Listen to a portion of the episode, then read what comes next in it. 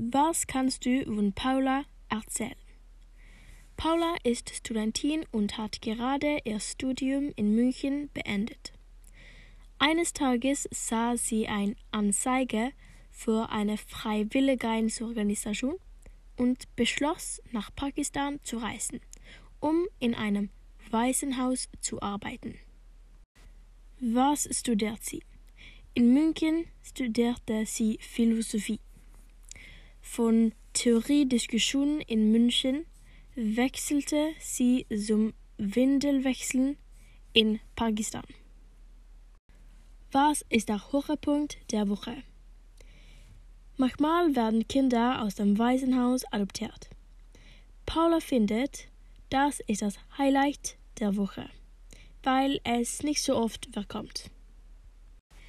Wie wohnt sie? Paula lebt mit den anderen Freiwilligen in einem Haus und hat ein eigenes Zimmer. Es ist nicht luxuriös, aber es ist genau. Was hat sie dieses Jahr gelernt? Paula sagt, sie sei froh, dass sie die Gelegenheit ergriffen habe.